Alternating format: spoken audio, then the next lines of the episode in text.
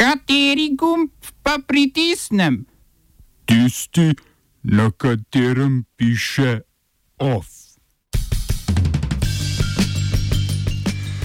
Iran na NATO-vi oporišči izstrelil balistične rakete. Šesterica slovenskih vojakov se umika iz Iraka. Putin in Erdoğan v Istanbulu odpirata plinovod Turški tok. Indonezijska mornarica v Južno-Kitajsko morje poslala osem ladij. V kulturnih novicah pa 15-metrska grafična upodobitev izgube rokavičke.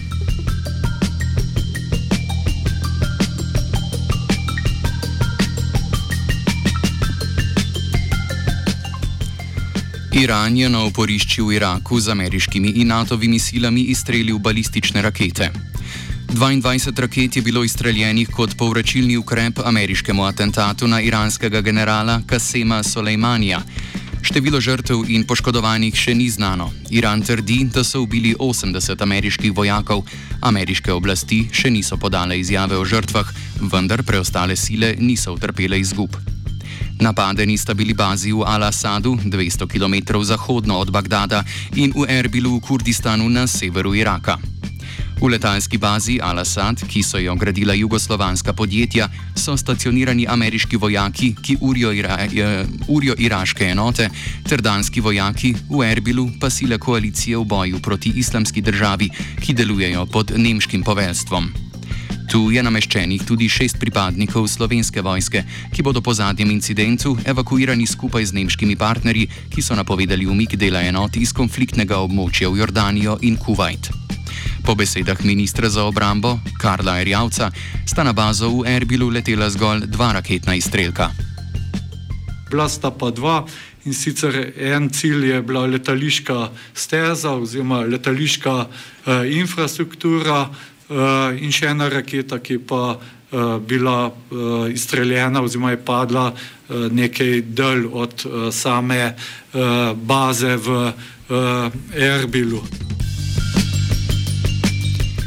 Operacija umika pa je zgolj začasna. Gre za uh, operacijo začasnega umika.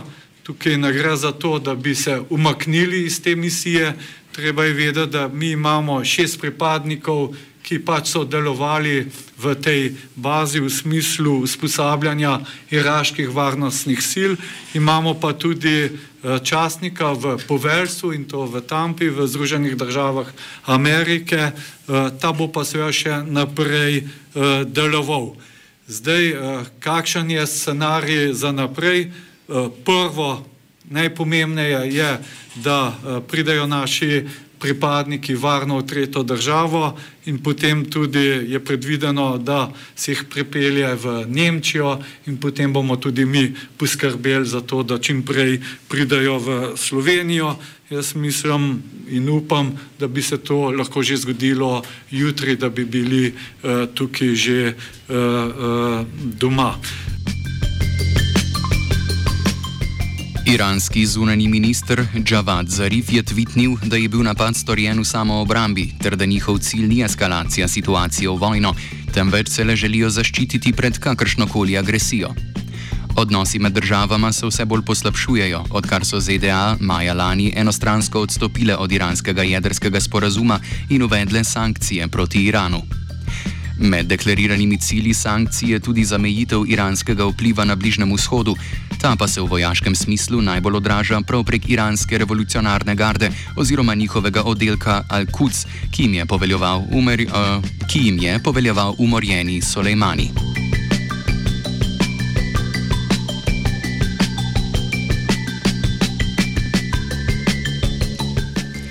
V Iranu je strmoglavil Boeing 737 ukrajinske letalske družbe Ukraine International Airlines, ki je bil na poti v Kijev. V nesreči so umrli vsi potniki in osebje. Po podatkih, ki jih je posredovalo ukrajinsko veleposlaništvo v Iranu, je do nesreče prišlo zaradi okvare motorja. To je že tretja nesreča tega modela letal po dveh nesrečah v Etiopiji marca lani in Indoneziji oktobra leta 2018. Boeing se je z American Airlines Airways dogovoril za povračilo škode, ki jo je družba utrpela zaradi odpovedi letov s tem modelom letala v letu 2019.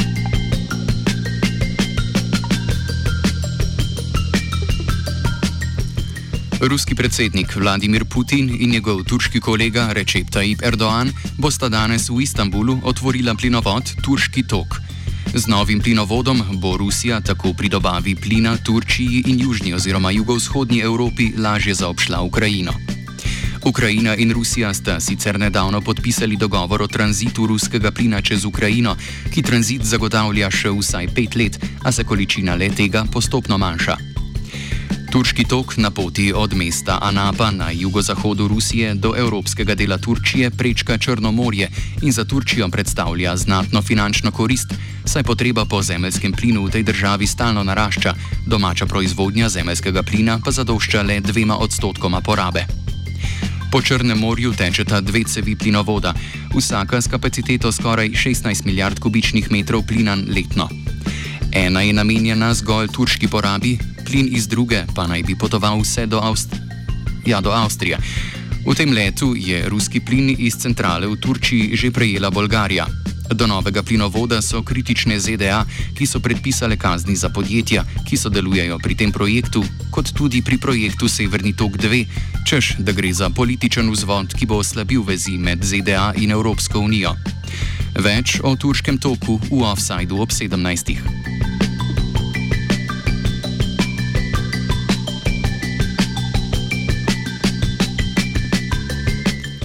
Na kitajskem je začela veljati nova zakonodaja o tujih investicijah, ki naj bi naslovila dolgotrajna pritoževanja tujih podjetij v državi.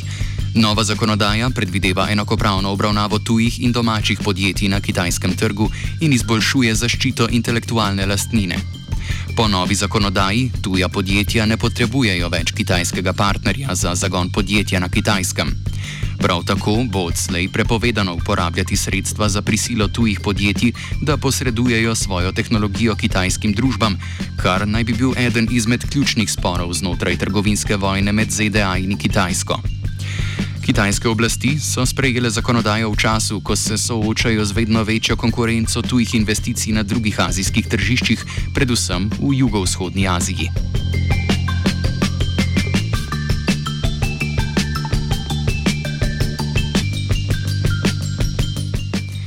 Indonezija je odposlala štiri bojna letala, osem bojnih ladij ter številne ribiške ladje v Južno-Kitajsko oziroma Južno-Kitajsko morje zaradi spora s Kitajsko, glede na sprotujočih si ozemeljskih zahtev. Spor se je začel ob koncu leta, ko je ladja kitajske obalne straže skupaj z več ribiškimi ladjami vstopila v indonezijske teritorijalne vode ob obali severnih Natunskih otokov. Spor je poslabšal sicer prijateljske odnose med državama, saj je Kitajska največji indonezijski trgovinski partner ter investitor. Kitajska zagovarja lastništvo nad večino Južno-Kitajskega morja na podlagi svojih zgodovinskih tržnih podvigov na tem območju. Preostale države jugovzhodne Azije, ki jih podpirajo ZDA in večina mednarodne skupnosti, pa trdijo, da to nima nobene pravne podlage. Novo nastali spor je le še en od mnogih nasprotujočih si ozemeljskih zahtev med številnimi azijskimi državami.